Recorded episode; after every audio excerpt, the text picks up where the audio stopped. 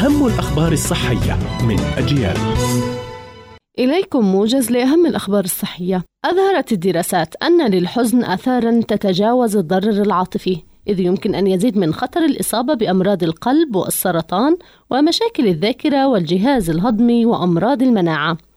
والمشاعر القوية والمؤلمة التي يطلقها فقدان شخص عزيز التي يحتمل أن تكون مصحوبة بقلة النوم والروتين الصحي يفسرها الدماغ على أنها حالة مرهقة ما يؤدي إلى إطلاق هرمونات التوتر الكورتيزول والأدرينالين ما يتسبب في استجابة القتال أو الطيران في الجسم وهي استجابة داخلية للضغط تسبب تغيرات فسيولوجية لمساعدته على التعامل مع المواقف العصبية.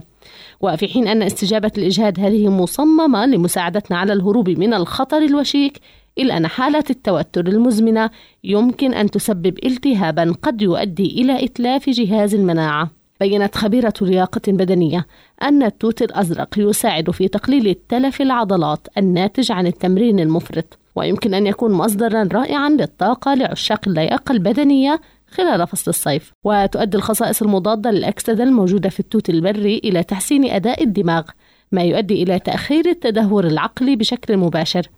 كما أنه مصدر جيد للألياف وهو ضروري للحفاظ على صحة الجهاز الهضمي والوقاية من الإمساك. كشفت دراسة حديثة عن أدلة تشير إلى أن التوتر يمكن أن يزيد من خطر الإصابة بمرض الزهايمر. وبحسب الدراسة فإن الإجهاد الملحوظ مرتبط بالمؤشرات الهرمونية والالتهابية للشيخوخة المتسارعة فضلا عن زيادة خطر الإصابة بأمراض القلب والأوعية الدموية والسكتة الدماغية والوفيات. كما ربطت الدراسة التوتر بمشاكل النوم وضعف في الوظيفة المناعية. كانت هذه أهم الأخبار الصحية. قرأتها روزانا طه. إلى اللقاء. Thank you.